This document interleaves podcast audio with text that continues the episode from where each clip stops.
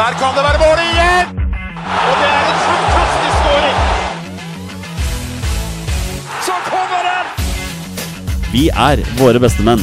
Vi har jo en del vi skal gå gjennom i dag. Skal vi bare, bare kjøre på med episoden vår? Ja, la oss gjøre det. Kjør! Heia Norge. Heia Norge! Heia Norge.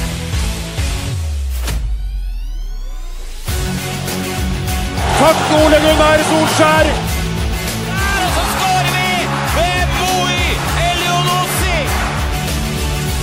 Rekdal skyter i mål!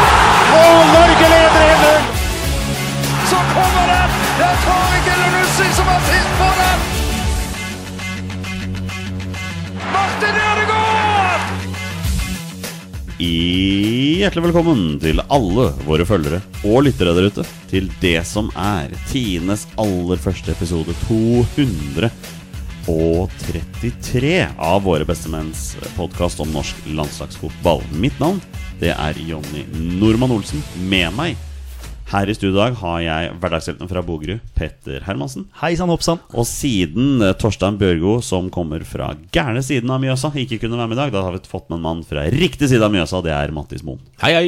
Er det riktig? Er det riktig side av Mjøsa? Eh, ja, nå, jeg, jeg er jo ikke fra Hamar, da. Men, Nei, du er jo ikke det, du. eh, Men uh, at Hamar er eh, en mer riktig side av Mjøsa enn Raufoss, det er det liten tvil om. Ja, for du har ditt opphav fra hvor da? Jeg er fra Blaker. Litt, ja, Ja, riktig. Ja, Legendarisk plass. Ja. Blakeren. Ja. ja, ja. Ja, ja, ja. Det er du sikkert ikke lei av å høre.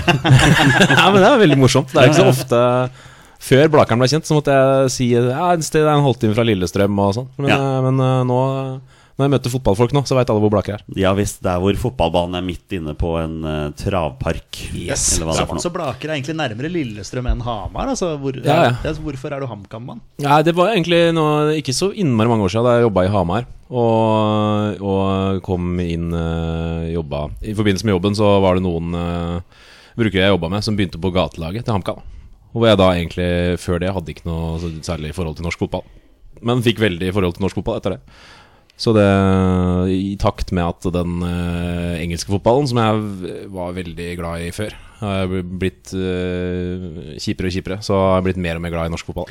Og det, ditt forhold til norsk fotball er også grunnen til at du får lov til å sitte her sammen med oss i dag. For du er jo også en av to som driver podkasten Kald kaffe. Ja, Som er om så noe så snevert som groundhopping i Norge. ja det er helt Ja, riktig. for- fordi du er jo også en ivrig groundhopper. Ja, absolutt. Jeg er Ja. veldig, veldig glad i, i uh, groundhopping, eller banehopping. Hvor mange baner i Norge er du oppe i nå? Ja, I Norge så eh, Nei, nei kanskje sånn uh, 70-80, kanskje. Ja, men det er solid, det. Ja, det helt ålreit, det. Ja, ikke sant? ikke Marius Helgå-sifre, men uh... Nei, det eller Stig André Lippert, uh, Nei, det- for, for alt som også var gjest sist gang du var her, da. ja. Men det er veldig hyggelig at du hadde muligheten til å komme i dag. Er veldig hyggelig å kunne komme hit. Ja, Og vi må jo gratulere med at HamKam berga plassen. Ja, tusen hjertelig takk. Det var, eh, det var ikke en selvfølge. Det var det ikke. Nei, det var det, var det ikke, men det, det handler kanskje litt også om at det var tre lag som bare var svakere. Ja, det var egentlig bare derfor vi Ja. plassen. Ja. Petter, dere imponerte. Det ble ikke sjuendeplass, det ble sjetteplass. Med, med Vålerenga. Eh, Ja, vi er der, ja. Eh, ja nei, vi berga plassen, vi òg. Ja, det gjorde dere. Absolutt. Ja, ja, det, ja, nei, nå, er det, nå har terminlista for ny sesong kommet, og nå er det bare å se, se framover til eh, 2023. Ja, men det er ikke det vi skal Nei. i dag. For i dag skal vi rett og slett eh, Vi skal oppsummere landslagsåret 2022. Det skal vi prøve å gjøre på under en time. Så vi får se hvor mye vi får til. Eh, så jeg lurer på, Petter, skal vi bare, skal vi bare kjøre i gang, eller? Ja, la oss gjøre det. Eh, du vet hva vi skal gjøre nå, Mattis? Kjør. Ja, Bra. Da gjør vi det. Så kommer innlegget, keeper ute, og det er goal! Og det er goal ved Mykland. 9-0. Erik, Erik Mykland, 28 minutter. Det er på tide å oppsummere eh, landslagsåret 2022. Vi skal selvfølgelig ha hovedfokus på A-landslaget for herrer, Petter. Og eh, seks seire, to øvert og to tap. Det er jo i utgangspunktet ikke et dårlig resultat når du spiller ti landskamper i løpet av et år. Nei, jeg er enig i det. Eh, når du ser det sånn, så er det godkjent. Eh, når man ser på kampene at vi, at vi De to tapene er liksom Når det gjelder som mest, da. Ja. Det er jo da vi, da vi taper. Så det, det er jo det som, som stikker mest. Da, at man, eh, man fortsatt går på de de der tapene når man, eh, når man virkelig trenger en seier. Så akkurat det er jo skuffende, men eh, sånn resultatmessig, hvis du ser på Hvis du summerer opp antall seire og sånn, så er det ikke så gærent. Men uh, igjen, vi, vi ryker når det gjelder som mest. Og det er det vi ser også på de to røde strekene som skriker imot meg. Vi har ikke kommet dit helt ennå, for vi skal jo helt tilbake til mars. Um, Jeg skal være ærlig og si at jeg var dessverre ikke på tribunen jeg, 25. mars når Norge møtte Slovakia til privatlandskamp. Eh, var du der, Mattis? Det var jeg. Ja. Eh, Jeg må innrømme at jeg husker den ikke så godt. Nei, det er lov å si det. Jeg så at eh, jeg tenkte, Da jeg ble invitert til, så tenkte jeg sånn Jeg har jo nesten ikke vært på landskamper i år. Og så gikk jeg inn og så Jeg har jo vært på fire stykker. eh, og jeg har vært på både ja, den mot Slovakia og den neste. Som jeg Ja. egentlig hadde glemt at, jeg hadde glemt at de var i år. For det har føltes så innmari lenge siden. Vi vinner 2-0 mot Slovakia i årets første kamp. Jeg husker at det var litt grann, Det var en del frustrasjon på sosiale medier etter første omgang, og at vi sleit litt med å få den ballen i mål. Men så er det Brautebass, da, Erling Braut Haaland, som dukker opp på en pasning fra Christian Thorstvedt, faktisk, eh, etter 77 minutter. Og så skårer utrolig nok Martin Ødegaard et landslagsmål. Pent mål. Køland, Køland i lengste. Og da var det gjort. Ja. Og det var egentlig det. Eh, Når vi ser landslags eh, lagoppstillingen, så var det jo veldig mange av de her som skulle prege landslaget vårt hele året her. Ørjan Nyland sto mål. Han sto ni av ti landskamper i år, Ja. faktisk. Det gjorde han. Eh, Fredrik Bjørkan fikk en sjelden eh, start på venstre. Og så var det Markus eh, Holmgren Pedersen på høyre. Hanke Olsen Østegård i midtforsvaret. Vi hadde Berge Nordmann. Det var før han ble bannlyst. Og Ødegård på midtbanen. Og så Moe Elonussi på venstre. Spilte dessverre Sørloth høyre kant. Og så var det da Braut Haaland på topp. Mange spillere her som kom til å prege oss det året her, Petter. ja. Takk for det. Var det et såkalt ledende spørsmål? ja.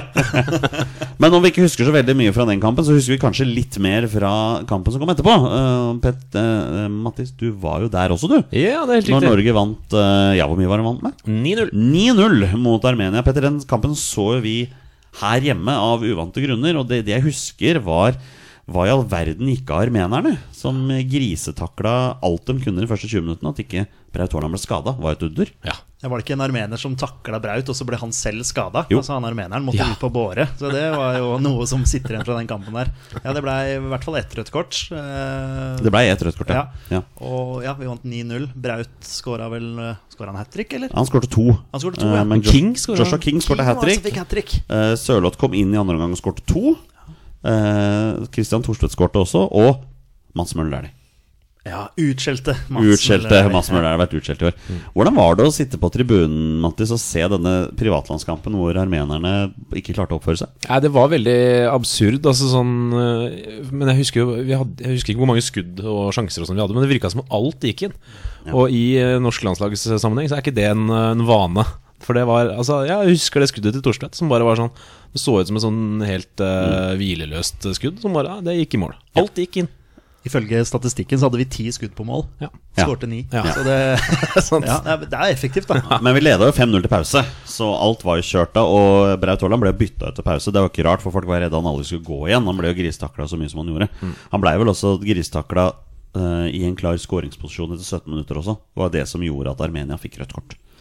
Så det var en veldig rar kamp. Ja, det ble en veldig sånn, sånn parodi på en fotballkamp. Det blei bare helt sånn rart. Så ja.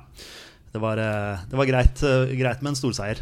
Ja, det, det var det absolutt. Eh, og det var jo noen forandringer på denne lagoppstillingen i forhold til den forrige. André Hansen fikk sin eneste landskamp, og sin siste landskamp. Han har jo lagt opp for andre gang nå på, faktisk. på landslaget.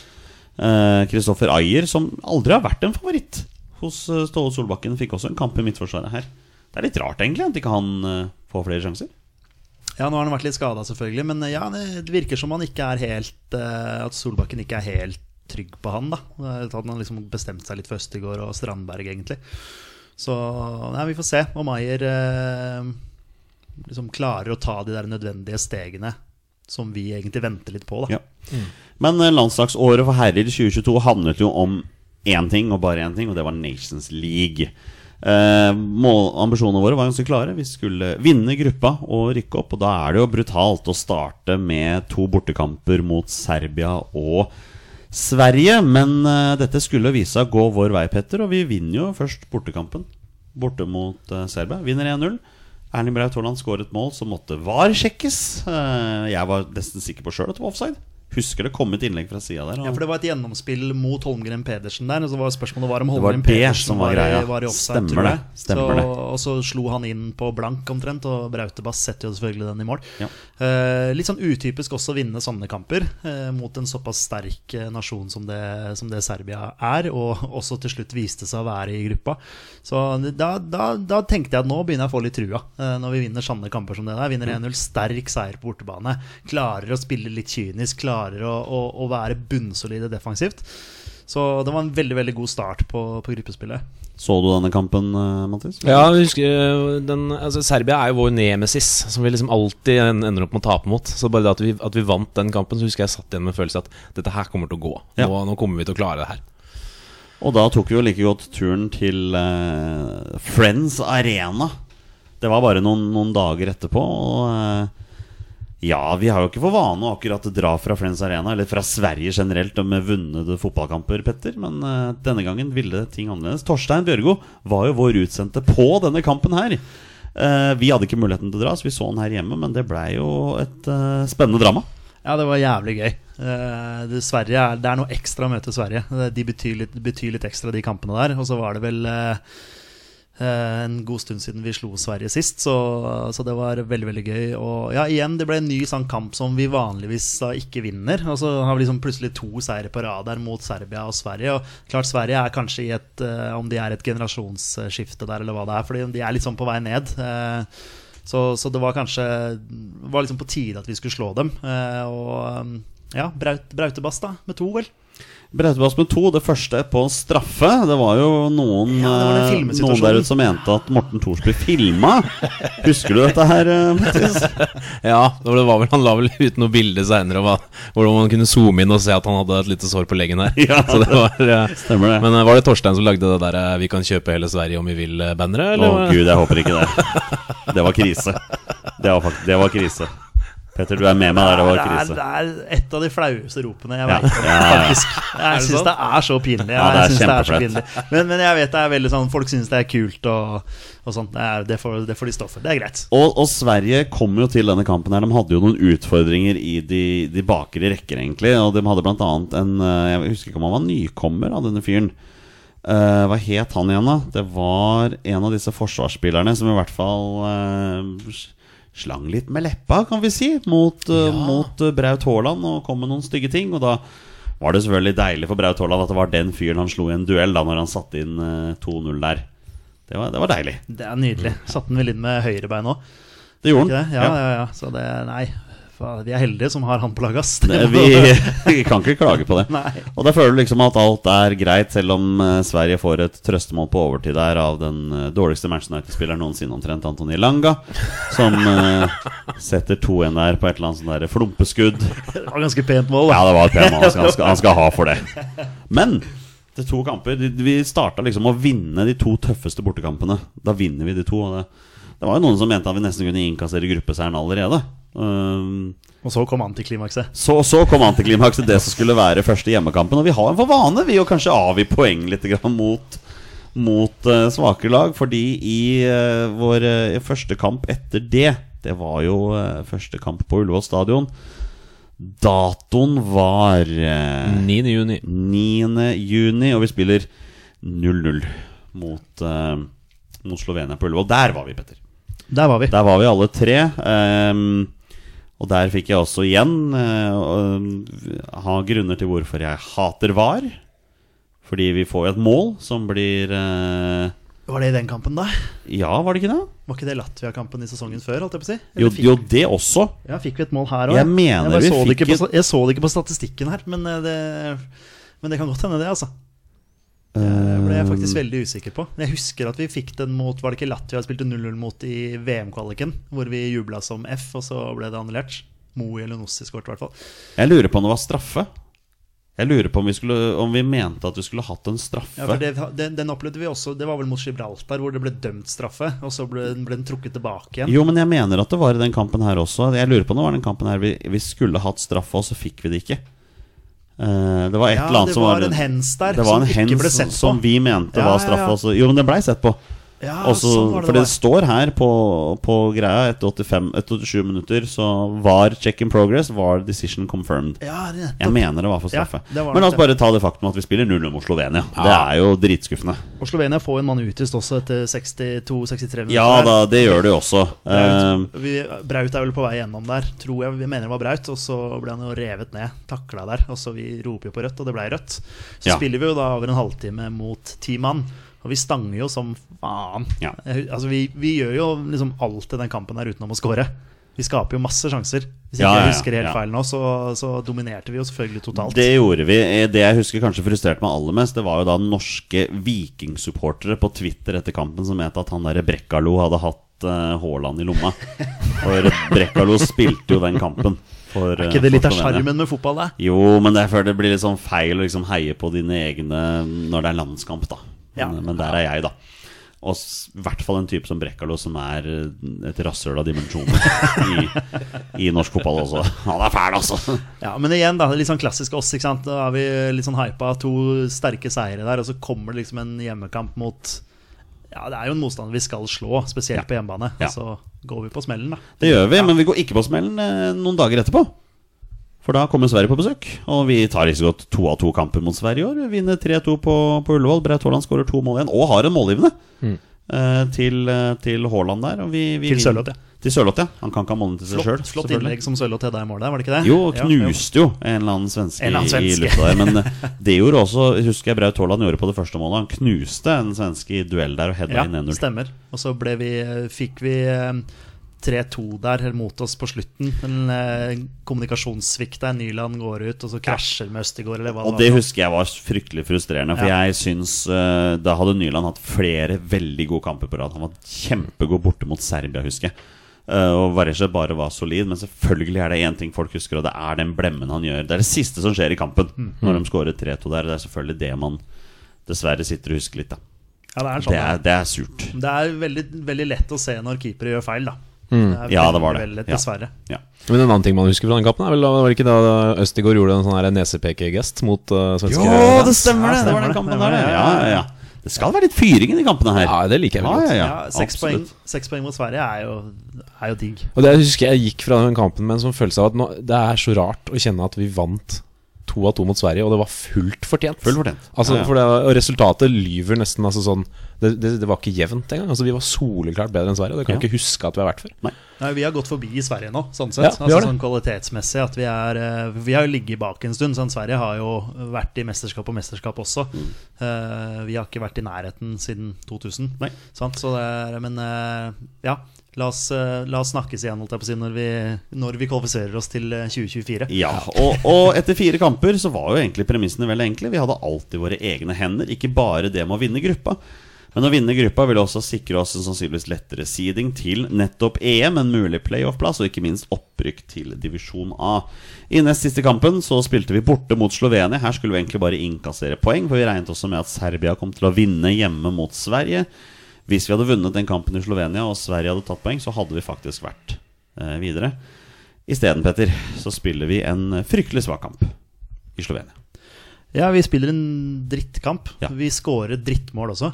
Det er vel en klarering som går i. Nei, en klarering ja, som går, som går i ryggen til Moe eller sånt, og så til Braut, som Ja. tror han er i offside. Men han er jo ikke det, fordi det er jo en slovener som, eh, som opphever den. eh, Så til de grader.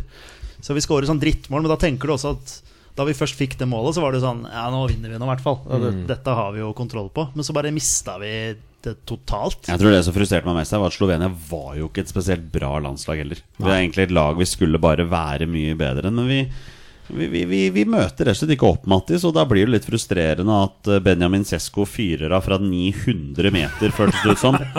Ni minutter før slutt der, og den på en eller annen måte klarer å lure seg ned i hjørnet, og da er, da er Nyland-kritikerne der med en gang. Ja, og det kan jeg jo skjønne. For det var jo en eh, Det var kjempetabbe. Ja, det var jo det. Og det var litt sånn herre Nei, skal det ryke nå? Altså For nå hadde vi da spilt 90 minutter mot Slovenia hvor vi ikke klarte å score. Og det var stanga, stanga, stanga. Og så som sier, nå, da, nå endelig så fikk vi hull på byllen. Ja. Nå blir det en kontrollert seier, og så klarer vi å røre det til på den måten her. Ja.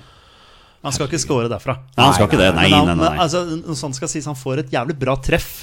Jo da, altså, han det gjør han. treffer ekstremt reint, og det er et veldig veldig bra skudd, sånn sett. Men selvfølgelig, en, en god keeper tar jo den. Ja, for da han fyra det skuddet, så hadde jeg fortsatt hvilepuls. Altså det var sånn Ja, det var overhodet ingenting. Ja, ja, nei, nei, nei. Som jeg trodde- jeg trodde at den skulle gå inn. Ja, ja, ja. Null. Du blir liksom sittende der og bare Ok, den gikk inn, da. Ok, ja, det yes. var Ja. akkurat det jeg satt i sofaen hjemme og bare sånn Ja, ok, den gikk inn, ja. Vi er der, ja. Og så er det så innmari frustrerende å liksom høre på Ørjan Nyland etterpå, da, hvor han vil jo ikke si at det var en keepertabbe. Det, det vil han jo ikke si. Eller For meg blir det sånn svada-prat som vi hadde under Høgmo. Ikke sant? Det, Ja. det folk vil høre, er bare sånn Selvfølgelig, han, eh, han treffer bra, men selvfølgelig skal jeg ta den. Det skuddet er så, det er, kommer så langt utenfra at den skal jeg selvfølgelig ta. Det er for dårlig av meg. Ferdig! Trenger ikke å si noe mer enn det. Nei. Men på tross av det, da, så hadde vi fortsatt alltid våre egne hender når vi skulle avgjøre gruppespillet hjemme mot nettopp Serbia, som vi hadde slått på bortebane. Og her var premissene veldig enkle. Så lenge vi unngikk å tape den kampen, så ville vi vinne gruppa og rykke opp. Og jeg mener, jeg husker så innmari godt at vi får en kjempesjanse etter sånn 30-45 sekunder. Husker du det, Petter? Jeg husker det ikke. Haaland og Sørloth uh, blir liksom spilt igjennom der, og det er en kjempesjanse der. Ja, det er Braut som kommer igjennom. eh, Ja, ja, Ja, ja. de hjelper keeper, hverandre. eh, keeper redder Ja. der. Ja, stemmer det. Men så, så går jo førstegangsinngang, og vi ser jo etter hvert at uh, ok, Serbia er ikke så dårlig, de. Det er egentlig ganske bra lag. De hadde møtt opp, de hadde gjort leksa si, og de hadde dessverre full kontroll på oss gjennom hele kampen. Og vi satt jo liksom litt og venta på det, og når Vlaovic setter 1-0, da, da ble det vanskelig. Ja, da, da følte du faktisk at kampen var litt tapt. Uh, vi, vi hadde jo greid oss med uavgjort, hadde vi ikke det? Altså, Ja. Jo, jo, jo, Ja. poeng hadde jo gitt oss gruppeseieren. Så sånn sett, men det er klart at vi slapp vel inn ganske tidlig i andre omgang også. Mitrovic eh, satte inn 2-0, så da, da, var jo, da var det jo kjørt at Norge plutselig skulle skåre to mål på Serbia der. Hvor Serbia da underveis i kampen viste seg som et ja, først og fremst et mye bedre fotballag enn oss, og så eh, kontroll med ballen. Utrolig sånn ballspillende lag. Så vi ble jo egentlig spilt litt ut på Ja, vår egen hjemmebane, så det, det var skuffende. Der så du hvem som skulle spille VM, og hvem som ikke skulle det. Ja, faktisk. VM snakker vi for øvrig ikke om, Mattis. Det er helt riktig. Nei, nei. Ja, jeg kan snakke litt om hvem, men Vi eh, må, vi må nok dessverre nevne litt av det i spørsmål etterpå, men uh, vi tar det når vi Men kommer til det. eh, for å si det sånn, jeg er her og spiller inn podkast og ser ikke på VM. Nei, det er, Så bare ah, det er VM i dag? eh, Ja. Ja, det stemmer det. Ja, Riktig. Vi taper kampen 2-0. Det blir andreplass i gruppa. Eh, Sverige rykker jo ned. De skal spille divisjon C. Det er Kanskje en, de får litt selvtillit da, vet du. ja, det kan godt hende. Vi kan risikere å møte England neste gang vi skal uh, Ja, ja, ja, møte den- grupper, for de rykka oss ned. Er, det, vår- er det vår skyld at eh, Sverige rykka ned? Fordi Slovenia klarte å snu det Teknisk sett er det jo vår skyld, siden vi slo Sverige i begge kampene. Ja, Ja. faktisk. Men ja, Så, men ja, det hjalp ikke Sverige, nei, at vi tapte i Slovenia, nei. Ja, Vi sier at det er vår fortjeneste at Sverige rykka ned. Ja, men samtidig så kan det også sies at Sverige hadde jo berga seg hvis de hadde slått Slovenia på hjemmebane i siste kamp, men de taper jo den også. Ja, ok. Ja. Ja, så, eller uavgjort, tror jeg kanskje det ble. ja, det måler Ja. det sjøl, dem. Ja, de, de tok bare fire poeng. Vi tok ti. Så, så sånn er det. Mange tok Slovenia. Eh, Sju, tror jeg. Ja, Fire av dem mot oss. Og det var det som var, litt ekstra stressende, for siden vi tapte Hvis Slovenia hadde vunnet kampen, så tror jeg han faktisk hadde kommet over oss på tabellen. Og det hadde jo noe med seeding-nivået til uh, trekning og bla, bla, bla. Sånn. Ja, men i hvert fall, her sitter vi. Det blei ikke noe opprykk til Nations League. Um, vi, vi kan jo bare ta kjapt de to treningskampene også, som vi avslutta året med. Vi vinner 2-1 borte mot Irland. Den eh, kampen så jo vi, Petter. Sterk seier, det. Eh, Ja, Østegård med en deilig heading. Ja, ja, knallhard heading. Eh, og OI til slutt, da, med en kontant eh, Ja, avslutning der. I en periode hvor Irland styrer. Ja, vi, Det er jo det som skuffa mest i den kampen, her at vi ble ganske kjørt en periode der. Eh, mot Irland, som ja, Hva er de kjent for, da? De er kjent for litt sånn knokkel- eh, og hardtkjempende fotball, men Og Robbie Keane. Og Robbie Keane. Og Robbie Keane. Og Nile Quinn. Eh, Og Shay Given. Damon Duff. Damon Duff. Ja. Ja. Roy Keane. Plutselig ble det ganske mange. Det er sånn Jet Elver på, på irske landslaget på John 2000-tallet. Shay. Shane Long. Ja, Ja. Uh, ja men, Ian Hart. Men, men ja, ja, for en legende. For en venstrefot. Men ja, vi slår Irland. Ja, vi slo dem, ja. vi gjorde det.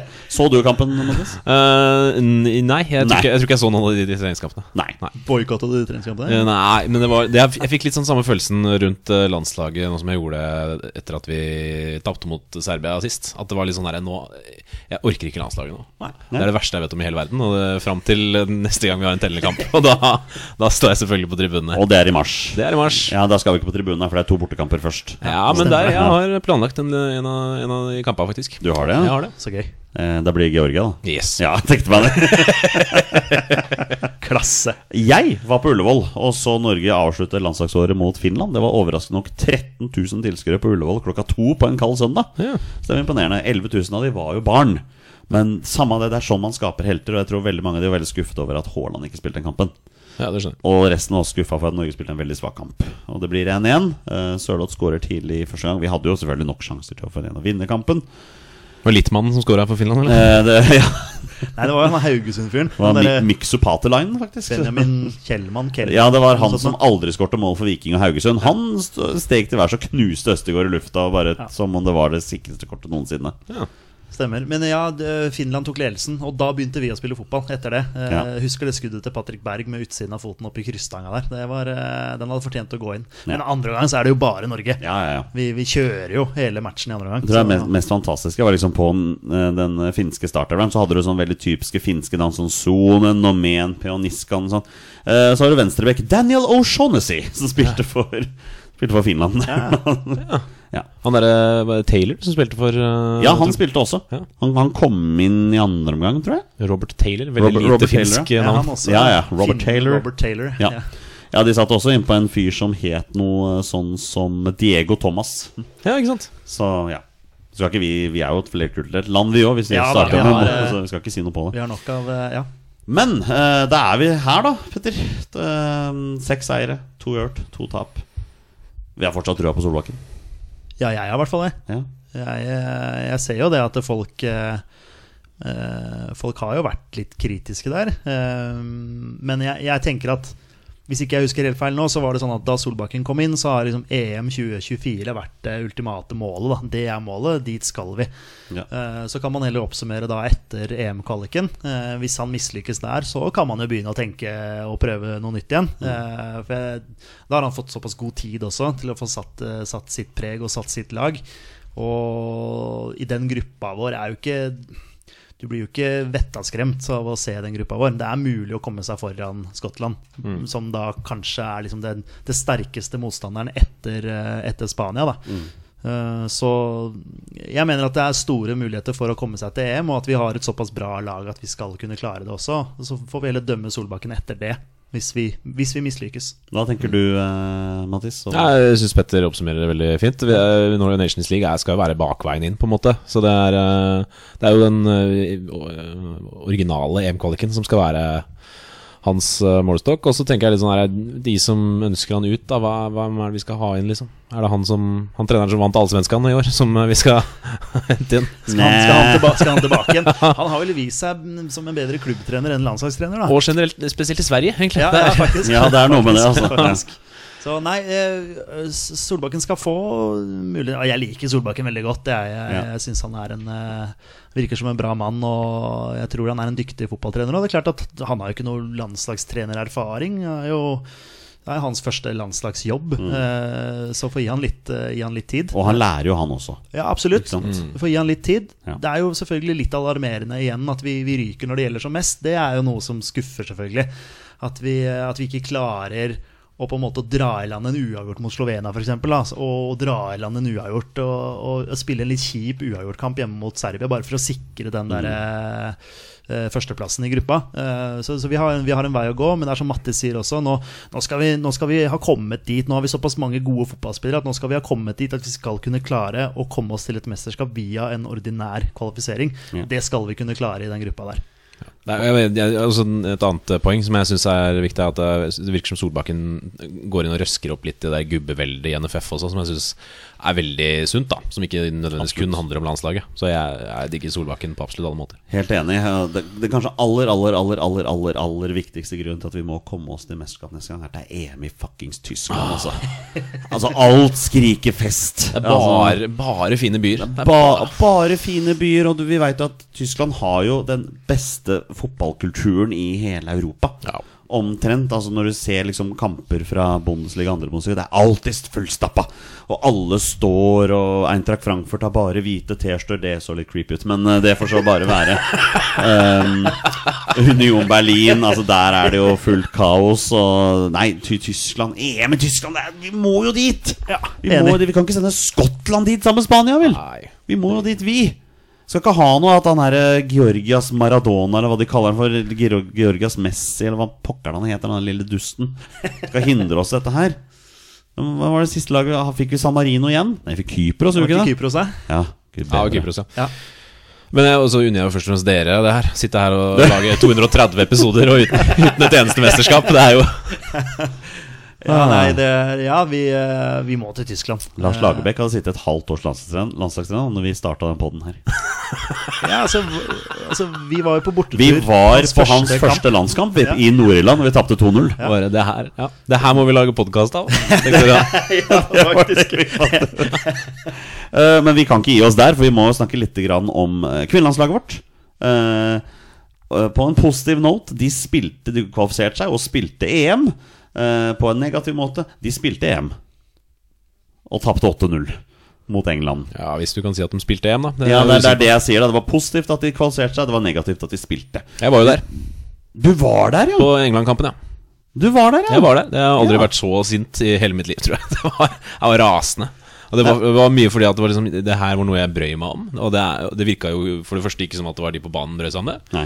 Og for det andre så var det sånn eh, England dro i gang bølgen, som norske supportere blei med på. Nei. Jo, jo. Nei. Jeg var så, jeg så forbanna.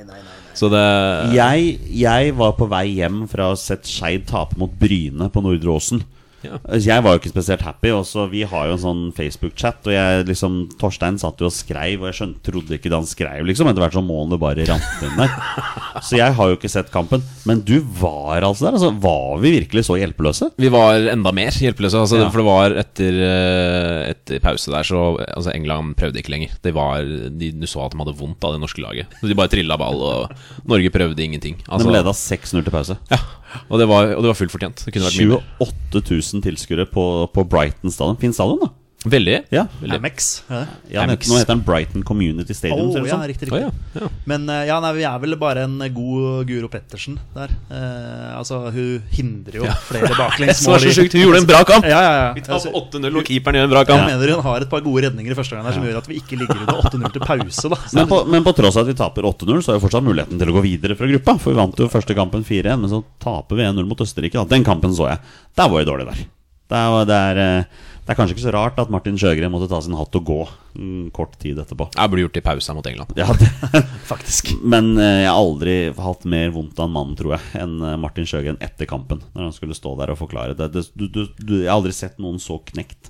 Nei, det er ikke så rart, det. da Det, det går jo på stoltheten, det der. Nei da, men det er spennende med kvinnelandslaget og veien videre nå, da. Ja, med Riise og, og, og gjengen. Jeg synes Graham Hansen ga seg. da. Ja, for hun har Ja, bestemt seg men for Ja, hun har tatt pause. Ja, Det virket som hun var litt på glid i forhold til å spille VM neste år, da. Som skal være i Australia og New Zealand. Så det er litt spennende. ja, ikke sant? Det som dog var veldig positivt med landslagsåret 2022, det var U21-landslaget vårt, som kvalifiserer seg til EM neste år. De vinner jo kvalifiseringsgruppa si med åtte seier og to tap, to poeng foran Kroatia. Så det er jo ganske imponerende. Vant alle fem hjemkampene sine. Eh, 3-2, 3-1, 3-1, 2-1 og 3-0. Og det er jo en veldig spennende generasjon som er på det U21-landslaget der også. Så jeg gleder meg til å se EM neste år, ja. Vi har jo ofte veldig mange spennende unge spillere da på, disse- på U21-landslaget. Absolutt, absolutt. er, eh, og vi, det bærer jo litt frukter på A-landslaget nå. Spillere som, som vi har snakka inn på landslaget en god stund. Ja, ja, ja. Eh, Østegård blant annet. eh, Som, som vi liksom bare har venta på skulle, skulle ta det steget. Ja. Så nei, det er, det er selvfølgelig alltid spennende å følge med på yngre. Så det, det er det som er fremtiden, da.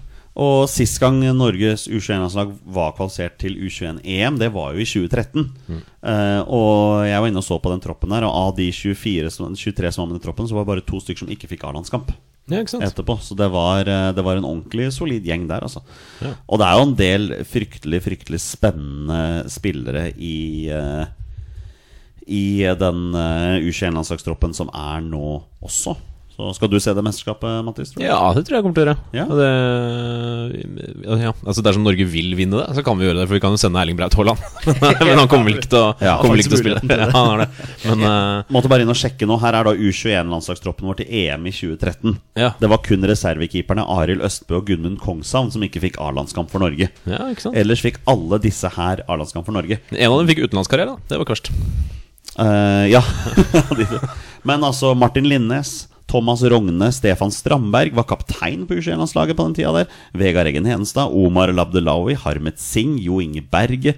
Valon Berisha han begynte å spille for feil landslag etter hvert. Eh, Markus Pedersen, Håvard Nilsen, Ørjan Nyland, Markus Henriksen, Fredrik Sem Berge, Håvard Nordtveit, Jan Erik Dilanli, Anders Konradsen.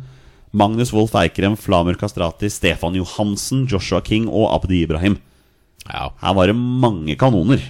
Ja det var, var en del kanoner. Og så var det ganske mange som ikke fikk blod til å bruse sånn kjempemye, kanskje. Nei, nei, men, men, men alle disse spillerne, bortsett fra de to reservekeeperne, fikk på et tidspunkt A-landskamp. Ja. Så det, det betyr jo noe. Absolutt. Og så er det skåring igjen fra Borger Nilsen. Vi har fått eh, mange spørsmål fra våre lyttere. Mattis, du har også fått noen, så vi skal gå igjennom alle sammen, Petter.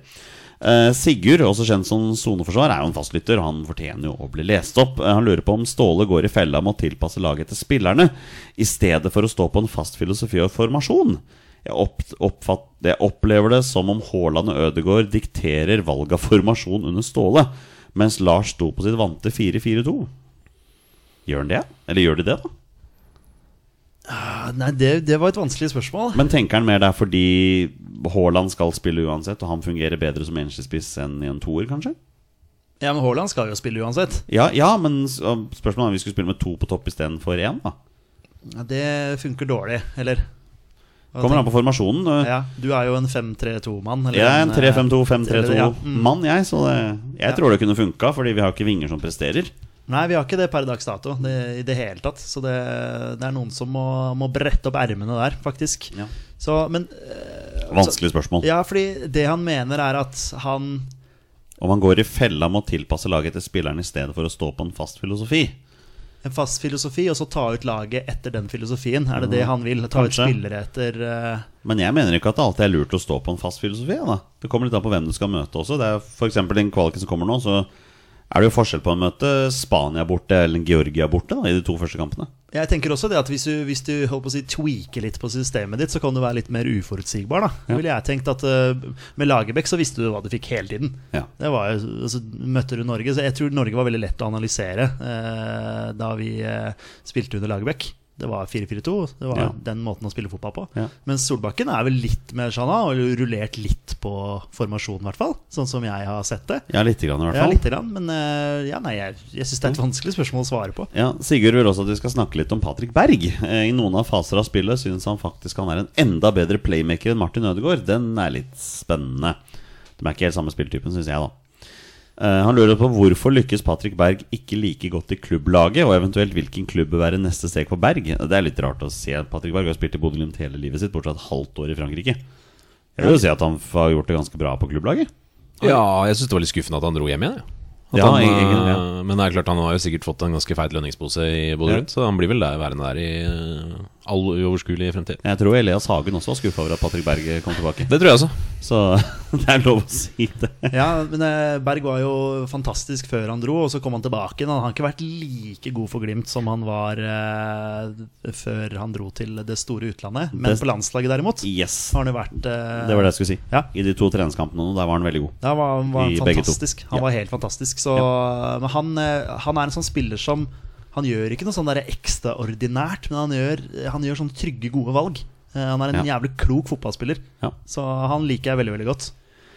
Uh, Eivind Engeseth lurer på hvilken spiller som kommer til å etablere seg i startelveren landslagsåret 2023. Ja, En ny en, kanskje? Kanskje en ny en, sånn, da. Ja, Som Ja. etablerer seg. Blir det Henrik Udal, Mattis eh, Moen?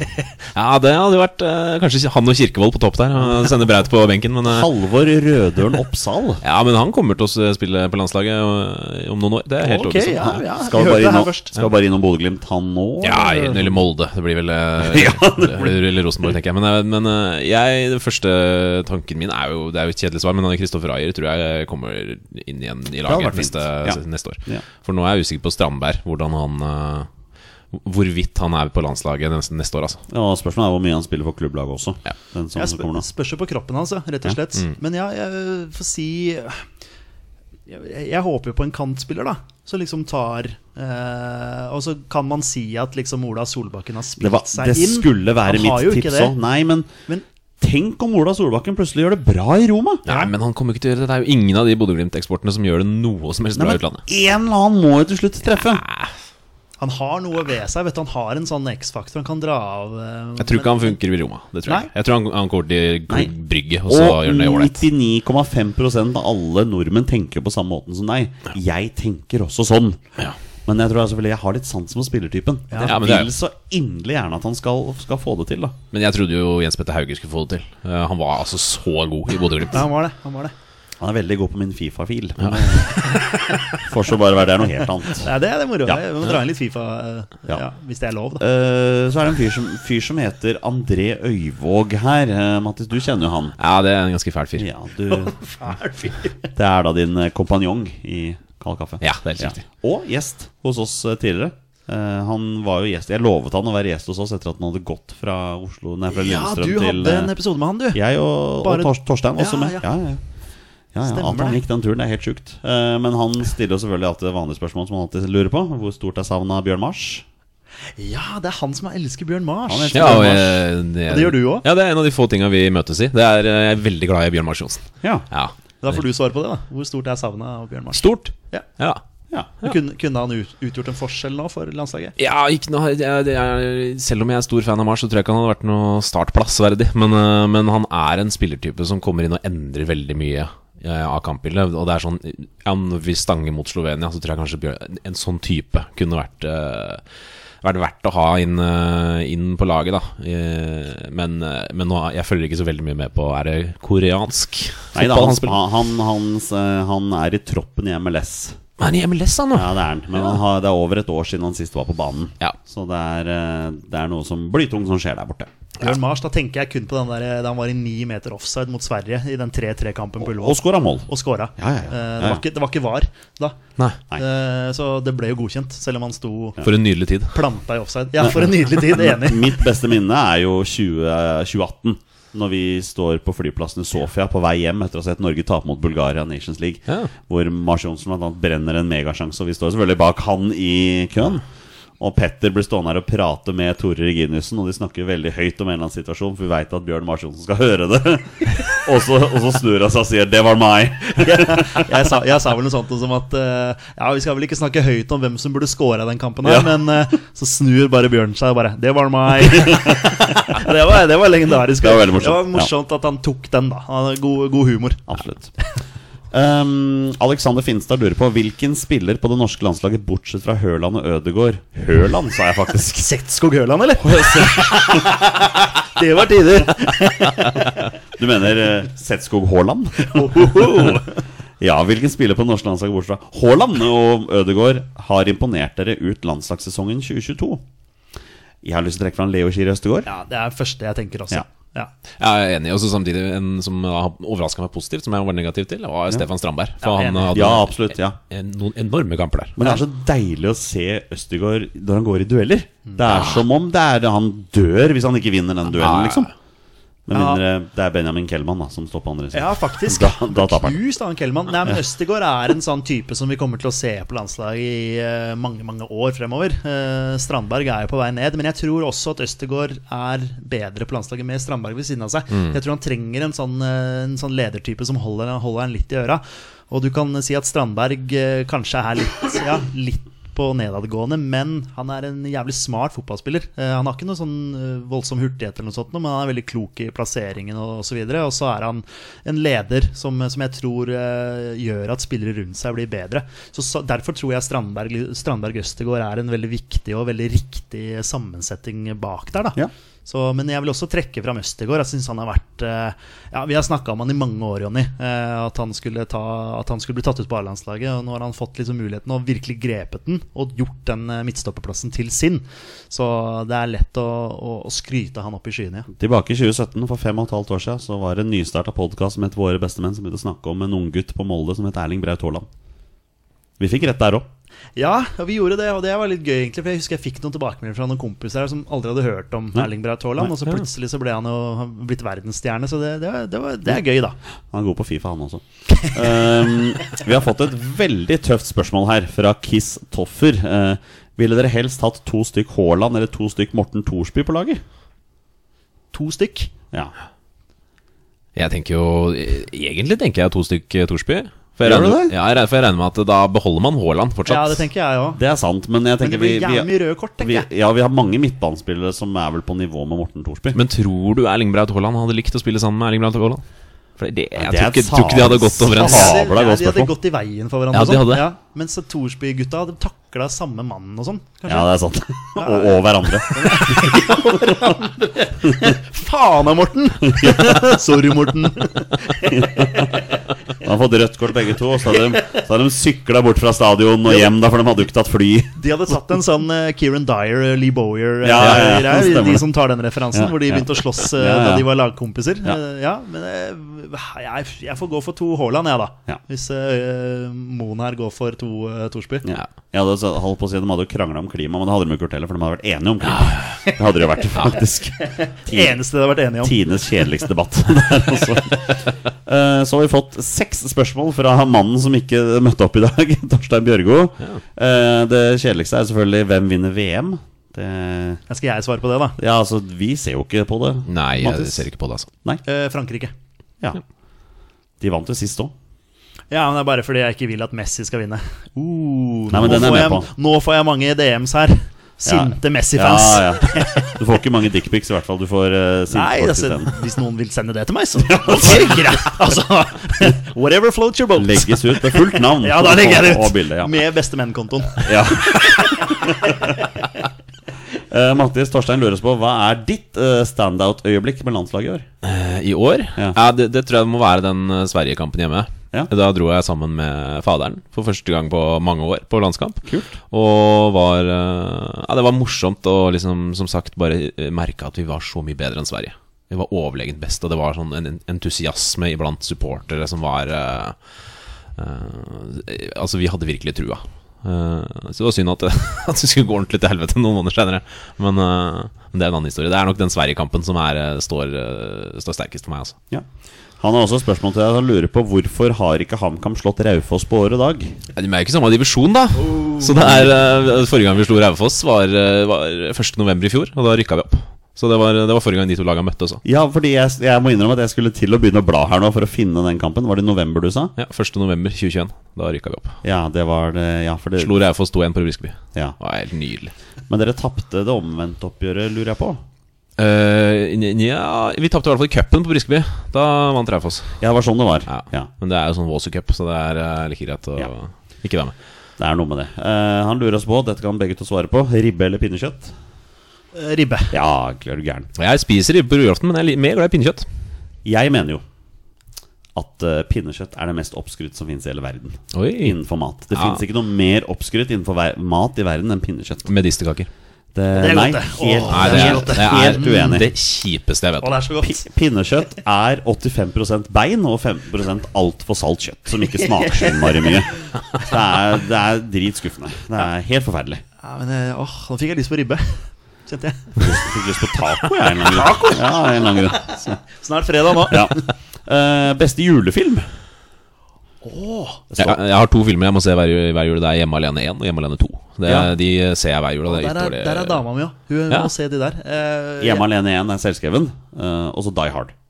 Ja. Det er ikke en julefilm. Uh, Det er det så absolutt. eh, jeg er veldig glad i Polarekspressen, faktisk. Vet du hva? Nå skal du få høre noe gøy. Mm. Jeg så Polarekspressen for første gang for to uker siden Ja. og ble dritskuffa. Ja, ok. Ja. Å, jeg syns den er så koselig. Jeg har ikke sett den. Nei, men jeg tror kanskje det jeg hengte meg opp i, er den mest creepy animasjonsfilmen jeg har sett noen gang. Men den er også fra 2004, så den er jo 18 år gammel. Ja, er- den den animasjonen har ikke levd spesielt godt, altså, for det ser ut som roboter i sånne skrekkostymer som går rundt der. Det Ja. er eh, Ja, det, jeg, jeg skjønner litt hva du mener, men Ja. for meg har det blitt, liksom blitt en sånn der, det er, det er sånn, Ja. For meg er det en sånn koselig film, da. Eh, Musikken, veldig- fantastisk. Ja, musikken er fantastisk fantastisk. musikk. Uh, filmen fikk terningkast tre av meg her. Ja, nei, men jeg er nok litt på Hjemme alene også. Det, er, det, er liksom, det, er liksom, det hører jula til, da. Ja. Og, og så avslutter Torstein med et spørsmål som André Øyvåg allerede har svart på. Ja. Uh, han, først spør han hva ønsker Mattis seg i julegave. Og André Øyvåg svarer Og hvorfor er nytt hårsfeste svaret på nummer seks? Ja, André er veldig glad i å melde på, på håret mitt. Er, Ja. det er jo en, han er jo en fyr som, eh, som gikk inn i 20-åra med hentesveis. Han mista jo håret da han var eh, 15 år. Er veldig opptatt av at alle andre skal miste håret. Ja. Det er klart, det tynnes jo, tynnes jo på toppen. Han har vel ikke så mye hår sjøl? Han har ingenting. Nei. Eh, Du har jo bra hår, da. ja, tusen hjertelig takk, Petter. det vil jeg Ja, det har du jo. Det var en mye, Altså, ja, mye hyggeligere podkast å være i enn jeg pleier å være. jeg, jeg skjønte ikke den. Altså, for meg også tynnes det jo veldig ut. Men det er klart at når du holder med Vålerenga og Leeds og har to barn, så det er klart det, det, er klart det tynnes. Og, og Norge, ikke minst. Landslaget. Ja, ja. Det er klart det tynnes. Men klart, nå sitter dere rundt det bordet her med selve definisjonen av lykketroll da, på håret her. Ja, I du- meg ja, også. du- Du har litt Emil Ja, Gukild-sveis der nå. ganger to. Tror, hvis du dobler Hvis du, hvis du kjører ordentlig krem i, eller noe voks i håret nå, så får du det- det er noe det, er, er gukil der. Det er, Ja, det er det det. Er er, det. det er noe voks i håret mitt nå, men etter dag i barnehagen så ser det som regel ikke så spesielt bra ut. Liksom Jeg bryr meg ikke så, og sånn. meg ikke så innmari mye på morgenen, må jeg innrømme. det er litt mer FC Lyn enn Skeid, den sveisen din. Ja, er det det? faktisk. Du må klippe deg. Er det nå, prøver å si. nå er jeg på, nå er jeg på fem, femte år i Bærum. Jeg tror det er det som gjør noe med meg her. faktisk. Det er det. Kristoffer er tilbake med nytt spørsmål. Det er til deg, Mattis. Hvem tror du vinner myntkastet mellom Norge og Spania? Ok, her er det en eller annen Ja, for det, greie. Kristoffer Kristoffer er en kompis av meg. Han var, okay. han eh, var ganske frustrert over at uh, Rosenborg la ut en, Han er Rosenborg-supporter. Rosenborg la ut en tweet om, uh, om eh, da, da før terminlista ble sluppet. Hvor de var sånn Hvem tror dere vi møter? Og det er sånn, han syntes det, var- det var den dummeste tweeten han noen gang har sett. For det er sånn ja, Hvem møter vi? Det er jo ingen som Så lenge du ikke har noe inside, så er det jo sjanseløst å svare på den. Jeg tipper Ålesund. Det er helt sånn Så det er på samme måte hvem vinner myntkastet. ja, men, Hvem tror du vinner myntkastet? Ja, det Nei, Norge vinner myntkastet. Ja, for Det er vel sikkert mulig å bette på det på oddsen, kanskje? Kanskje? Så Sette noen tusenlapper på Norge Nei, jævlig Noen kjipt å tape de allerede ved avspark. Ja, det er tungt. Faen, der vant Spania myntkastet! Ja. Jeg må bare ta en telefon, jeg. uh, Marius uh, lurer på, Mattis, har du noen gang tenkt å prøve å se alle kampene i en sesong hjemme og borte? Ja, Er det da snakk om uh, HamKam eller tippe- Norge? Tippe det er HamKam vi snakker om da. Ja, nei, Svaret er nok nei. Uh, mye fordi jeg har en jobb som uh, gjør at jeg må jobbe innimellom. som, som, oh, ja. Du har det, ja? ja, så, Og så har jeg også en kjæreste som vil se meg innimellom. Så jeg tror ikke 30 av 30 kamper er forenlig med, med det, altså. Og for deg, Petter, så er vel det aldri aktuelt igjen? Jeg håper det er aktuelt igjen. eh, Ja. Men eh, ja, jeg har to små barn eh, per nå, så, men de blir jo store en gang, de òg. Men, eh, men det er um, vanskelig å få til 30 kamper. Jeg prøver Ja. å få til så mange hjemmekamper som mulig. Men det er ikke førstepri lenger. Sånn er det blitt. Har du hatt 30 og 30 før? Nei. Nei. Nei, det har jeg aldri hatt. Nei. Jeg har hatt alle hjemmekamper. Ja. Eh, det har jeg selvfølgelig. Eh, sesongkort osv. Men eh, bortekamper har det liksom blitt uh, Altså, det er lange reiseveier da på Mm. noen av de, som, uh, og økonomi osv. Men uh, hjemmekamper er liksom førstepri. Nå har jo Skeid vært veldig heldig eller det året som kommer nå. Vi har fått veldig veldig mange kamper på lørdager og søndager klokka tre. Ja. Det gir meg jo muligheter jeg kanskje ikke har hatt før, så jeg skal prøve å sette ny rekord i år. I Mener du det er enda hvor- bedre enn mandag klokka seks? Det er utrolig nok mye mer. Men, men for, øh, jeg syns jo ikke mandag klokka seks er så krise, da. Men det er mest fordi det passer veldig bra for vanlige fotballsportere òg. Vi kan ikke alltid dessverre bare tenke på oss stående syngende også. Nei. Man må ta et hensyn til andre også. Jeg vet ikke hvordan det blir med lørdag og søndag klokka tre, men vi får se, da. Men du kunne potensielt fått til alle Skeid-kamper. Altså både hjemme og borte. Du Ja, altså, jeg har, jeg har ikke barn. Jeg har Nei, en nei. øh, tålmodig kone som sitter oppe i andre etasje nå og barrikaderer seg der hvis vi spiller en pod her. Og, så det er sikkert mulig å få til, men Ja, ja. så er det alltid noen familieforpliktelser. Ja, det er alltid noe. ting. Men vi får se når det kommer dit. Vi avslutter med spørsmål fra Olaug Årdal. Eh, Han har to. Har dere sett på VM? Det har vi allerede svart på. Vi har ikke sett noe, Mathis. Nei. Petter, Ja. du har sett noen kamper? Jeg har sett noe. Eh, Ja. Håper ikke jeg blir skutt nå. Nei. Uh, og siste spørsmål så er Hadde dere sett på VM om Norge var med? Oh, det er jo tusenkronersspørsmålet. Det- Ja, jeg har vel egentlig bestemt meg for hva jeg skal svare. Men eh, hva vil dere si? Jeg hadde sett på. Du har sett på? Ja. Eh, jeg, jeg tror vel kanskje Det er vanskelig å svare. Det er jo lett å si nei. Altså Det er jo første tanken min. Uh, ja, nei, jeg, jeg må stå ved nei, altså. Men, uh, men jeg, hadde, jeg hadde nok sikkert Nei, det kan godt at jeg hadde sett en kamp eller to. Ikke, jeg har ikke noe sånn høylytt boikott. Jeg bare har ikke hatt lyst til å se det mesterskapet her. Nei. Jeg tror ikke jeg hadde sett på. Jeg, jeg, jeg tror ikke det uansett. For, fordi for meg teller ikke det mesterskapet her. Det, er, det er på en måte Det blir bare en parentes i fotballhistorien for min del. Men det er rett og slett Jeg har jo forklart dette her så mange ganger før hvorfor ikke jeg ser på. Jeg gidder ikke å bruke mer tid på det. Men det jeg derimot har lyst til å bruke litt tid på her, det er den der jævla Twitter-krigen. Det er den der jævla Twitter-krigen med den ene, ene siden som skal være fryktelig opptatt av å fortelle tusen ganger om hvorfor de ikke ser på. Og jeg skal være ærlig og si, jeg har svart noen ganger på noen som spør Hvis skal du ikke se på hvorfor, så har jeg svart. Ikke noe mer enn det. Jeg ser ikke på meg sjøl som noen, noen, noen høyere, viktigere person fordi jeg velger å boikotte VM i forhold til andre som f.eks. ser på. Det er greit, men det er innmari slitsomt å lese på sosiale medier de som tror det er bedre enn de som ser på. Men også de som ser på, som bruker enormt mye tid på whataboutism i forhold til hvorfor man ser på. Det er det samme pisset hele tiden. Hvorfor boikotter dere ikke VM? Hvorfor uh, boikotter dere ikke håndball-VM, eller hvor det var vinter-OL? Og Karsten Warholm som løp et eller annet sted og sånn. Si. Formel 1 i Dubai. Ja, Det ser jeg ikke på uansett. Men, po- poenget er liksom, men det blir litt annerledes med fotballsporter. Men nei, Folk skal få lov til å velge sjøl, men, men ikke, ikke, ikke sett deg sjøl høyere enn andre bare fordi du tar et valg, liksom. Nei, jeg er helt enig i det. det er, eh, jeg har vært veldig stille på Twitter sånn med tanke på fotball-VM. Jeg har ikke fronta det på noen som helst måte. Nei. Og jeg har ikke sett alt. Eh, Jeg har eh, nesten ikke sett alle, altså hele kamper heller. Jeg har switcha litt mellom og spilt litt Fifa. Og liksom, jeg, jeg ser på det med litt sånn Liksom De som har hørt Heia, Heia VM, altså Heia fotball med Heia VM, med Petter Wæland her, han sa vel noe sånt som at uh, han, selv han, som ser eh, x antall fotballkamper, eh, har ikke sett alt. Og han ser egentlig alt som har med fotball å gjøre. Og selv han har ikke sett alle Spania-kamper heller. Og, og, og det han har sett, har han sett med en bismak. Og det er, sånn, det er et veldig rart mesterskap. Eh, for meg så har det vært litt sånn familie og sånne ting, og vi har sett litt fotball sammen. Eh, hadde svigerfaren min på besøk, blant annet, og, og vi satt på kveldene der og preika skit og så på fotball. Eh, så Men jeg har ikke Det er en litt sånn Jeg har litt sånn vond smak, det VM her, eh, i det hele tatt. Eh, Sånn som i dag. Aldri snakk om at jeg skulle si til deg f.eks. at jeg skal være hjemme og se på VM. Jeg kan ikke spille inn podkast. Så det, det, jeg prioriterer ikke VM. Det gjør jeg ikke. Nei, det, og, og det er jo Det er jo ingen av oss rundt Men, det men jeg, bordet jeg har ikke noe imot at folk gjør det. Det er ikke det, altså, folk, det er som nei, du nei. sier, altså, folk må gjøre sånn som de vil. Men igjen, sånn som du sier også, det er, altså, jeg syns det er jeg synes det er liksom fælt at folk skal sitte og fortelle hva andre skal gjøre hele tiden. Det er liksom sånn derre eh, Du er så jævlig dårlig menneske fordi du sitter og ser på VM og du har blod på hendene dine. Og det er, det er, liksom, det er ikke måte på hva du, hva du har for noe fordi du sitter og ser på, på dette her. Og det, det liker jeg ikke. Så Men- folk, må, folk må få ta egne valg. Helt enig, og vi som da valger, velger å ikke se på, vi får da kjeft for at vi kanskje har en, eh, en mobiltelefon som er produsert i Kina, ikke sant? Og vi vi er på det nivået altså hos noen. Å ja, men den mobiltelefonen vår er produsert i et land som bryter menneskerettighetene og sånn der, ja.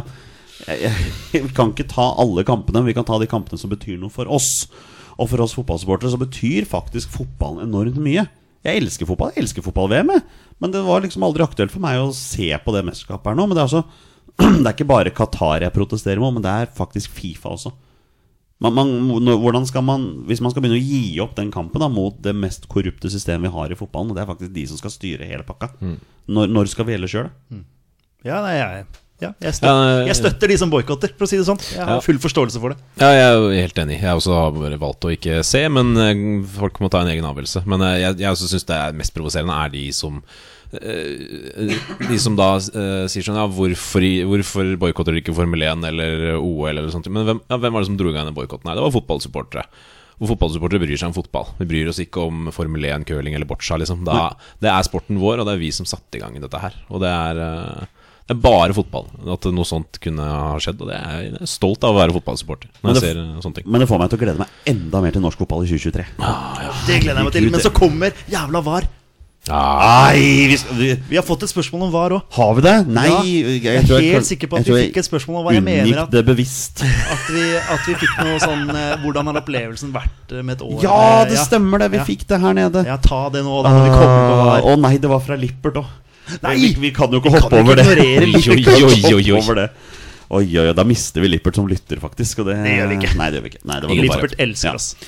Nå har vi hatt VAR på landskampen en stund. Har det påvirket kampopplevelsen deres på Ullevål? Hvis ja, hvordan? Den kan jeg svare på, Petter. Ja, det har det så faen meg gjort.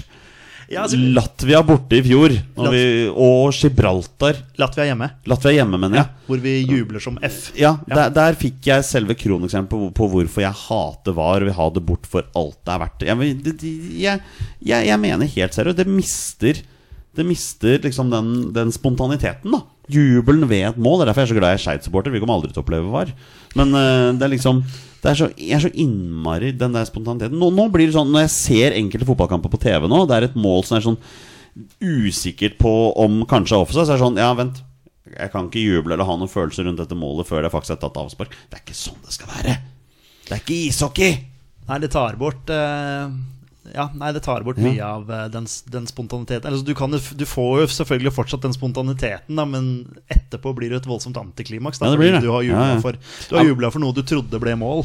Ja, Men man har ikke den spontaniteten 100 heller. Nei, det var kanskje 98 For Hele tiden, alltid, ja. alltid den baktanken om at det, det kan ha vært en armhule offside Ja. i oppbyggingsfasen her. Så, så man kan ikke være 100 Og det er, det er det som er hovedargumentet mot VAR. Det er- handler ikke om Nei. hvor effektivt det er, hvor lang tid det bruker. Det handler om hele, hele konseptet med at ja, men du tar bort det øyeblikket eh, og den, eh, den spontaniteten og stemningen. Men vi har ikke hørt så mye om hvordan VAR skal fungere i Norge ennå. da Jeg har skjønt at det er TV2 tror jeg, som skal produsere dette her. Ja, vi skal ha sånn bra VAR, ikke sånn dårlig. Det skal være sånn miniatyr Ja, Skulle det ikke være sånn miniversjon av VAR? De skulle ikke ta alt. men First skulle, price VAR. Skulle ta noe Europris-VAR. Eh, Sånn, ikke sant? Ja. ja, nei, VAR på Briskeby. Ja, det kommer jo ikke til å bli spesielt bra. Nedrevet hovedtribune, men VAR skal de ha. Ja, det kommer til å være en sånn brakke på den langsida der med, hvor det sitter dommere inni der. Og, Ja, ja. Det går folk langs sidelinja med mobiltelefon og filmer liksom situasjonene. det liksom sånn- Sender det på Snapchat til VAR-rommet. til VAR-rommet. Det jeg tenker er liksom Er dommerstanden og kompetansen for norske dommere god nok til at de skal liksom håndtere dette her?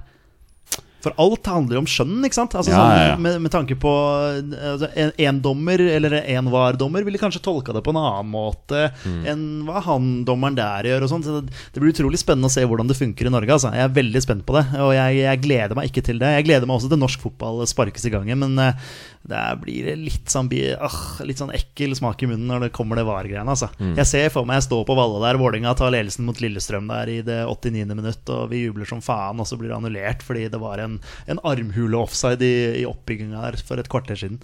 Så det, det Nei, fytti rakkeren.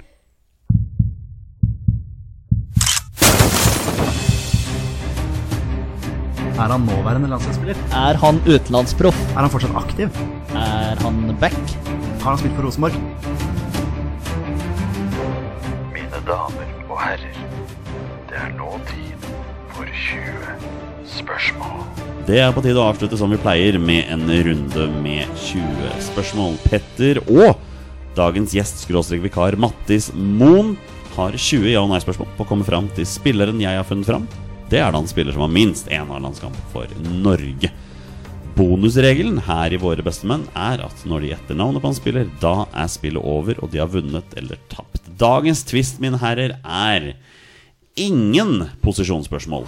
Vær så god. Det var uh, Oi, oi, oi, den er blytung. Det var en kokostvist. Den eh, liker Ja, jeg den- dårlig. Nei, så, ja, kokos eller banantvist eller noe sånt. Banan er den beste. Jeg har aldri tatt Det er den beste, Den, er den beste. Okay. Kokos er det verste. jeg er enig. Eh, Kokos er, ja, jeg, jeg syns også banan er veldig god. Ja, okay. No, Nougat Crisp også veldig god. Karamell, karamell liker jeg best. Karamellen er fin. Ja. Den flytende karamellen inni. Ja, ja. Ja, åh, deilig. Det er ikke dagens tvist. Nei vi, vi starter bare på. Eh, er han fortsatt aktiv? Ja. Ok, vi er på aktiv. Ja. Ok. Eh, ja, oi, hvor aktiv er han da, tenker du?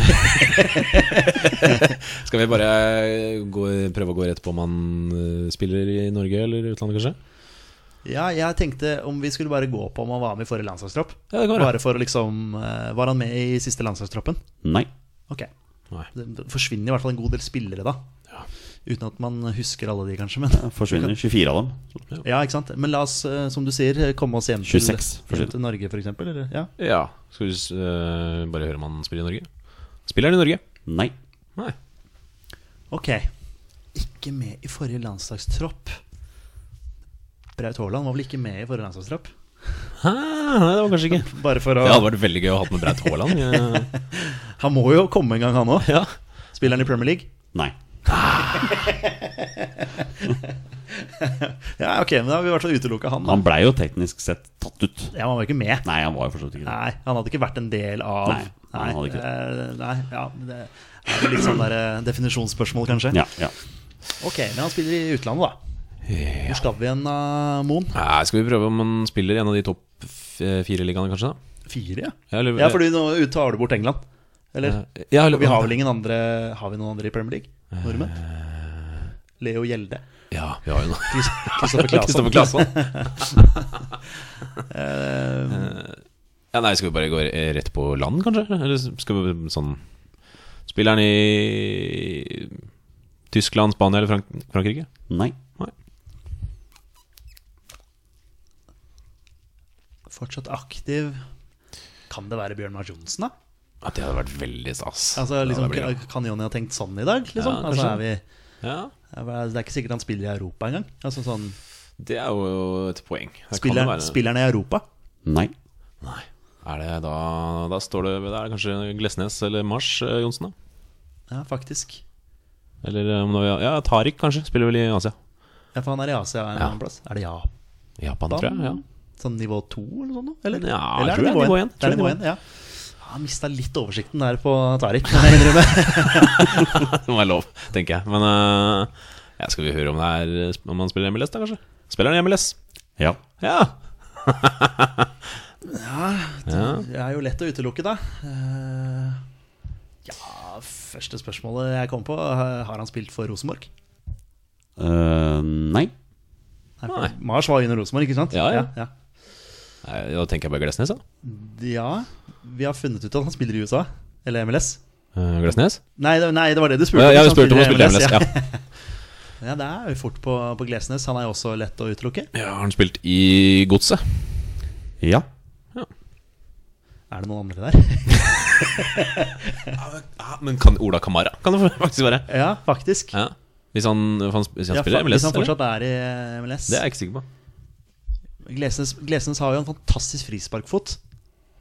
Ja. Er det ikke han som har scora noen sånne dunderskudd fra 50 meter? ja, Det husker jeg ikke. Jeg husker han, han er veldig glad i å fiske. Du kan spørre om det. Er han kjent for å Han Bruker han eh, ferien sin på å fiske, ja. Uh, ja jeg veit ikke så mye mer om eh, Jakob Glesnes, egentlig. Han er vel fra Bergen? Eller han er, fra, han er, fra, han er vestlending, tror jeg. Er han ikke det? det? Jeg mener det, hvis ikke jeg husker helt feil nå. Er han, er han kjent for å ha en bra dødballfot? Nei. Han er ikke kjent for det? Nei. Ok, da er det ikke Glesnes. Det er ti, så da er vi halvveis. For det, det Dødballfot kan jo være så mangt, da. Men i og med at Jonny svarte på den måten der nå, så, så utelukker han vel eh, Da tenker jeg umiddelbart eh, Kamara, da. Skåra han på Ullevål mot Sverige da vi spilte 3-3? Ja. Ja. Kamara hedda jo inn eh, 3-3 på overtid der, hvor vi sendte opp keeper og hele Ja. Han har vel spilt i Godset og Kommer ikke på noen andre- Stabæk og Har han ikke vært i Stabæk òg? Det kan godt hende. Jeg husker jeg kommer ikke på noen andre norske klubber han har vært i. Men han var vel nede i Kina eller et eller annet? var spil- Spør jeg, tror han, jeg tror han spilte i Asia òg, skjønner du. Ja, nei, men Vi tar den Sverige-kampen. Da skårte jo eh, Joshua King og Bjørn Mars Johnsen og Ola Kamara. Ja. Av, eh, for å ta en Vi har eh, utelukka Bjørn Mars Johnsen. ja. Dette er en liten homasj til Stig André Lippert. Da. Avgjorde han uh, seriegullet for Strømsgodset i 2013? Ja, han gjorde det. Ja. Var det han som avgjorde det? Ja Det legendariske klippet med Kasper Wikestad der. Ja, for det er han som, uh, som scorer det? Ja. Pent, pent mål òg. ja, det var helt nydelig. Jeg trodde det var Stefan Johansen, jeg. Men det er, det har jeg tenkt feil. Men eh, ja, vi Det, tror er vi har det er da ni år siden da nå. Ja, det, det er Det er sjukt. Det er sjukt. 2013. Jeg tror vi har den, jeg. Ja. Det, det, jeg blir overraska hvis vi ikke har den nå. Bare kjør, du. Det er bare én måte å finne til det på. Ja, du Jonny. Ja, Uh, er det Ola Kamara? gutter. Det er Ola Kamara. Ola Williams eh, Kamara. Spiller for DC United. Ja, ikke sant? Kan du lese opp resten av, uh, av CV-en hans? Ja, det kan jeg gjøre, vet du. Han uh, har spilt Han var jo unggutt i Frigg i sine yngre dager. eh, Men også unggutt i Stabæk. Eh, Mens han var i Stabæk, så var han på et lite utlån i Hønefoss og spilte en 100 kamp for Strømsgodset. Og så har han spilt for Reed, 1860 München 1 og 2, Austria Wien, Molde, Columbus Crew, LA Galaxy, Schensen og DC United. Ja. Ja. 17 landskamper og 7 mål for Norge. Men det er ikke så Det er ikke dumt! Det er Nei, så nei, nei, nei, nei.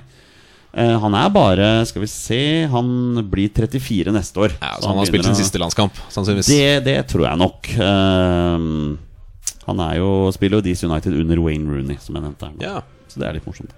Men dere klarte den. Gratulerer så mye, Peder. Takk. Og til deg, Mattis. Tusen takk. Du har 100 win score i 20 spørsmål. Ja, det er helt nydelig. Ja, Og det er det jo mange av våre gjester som har.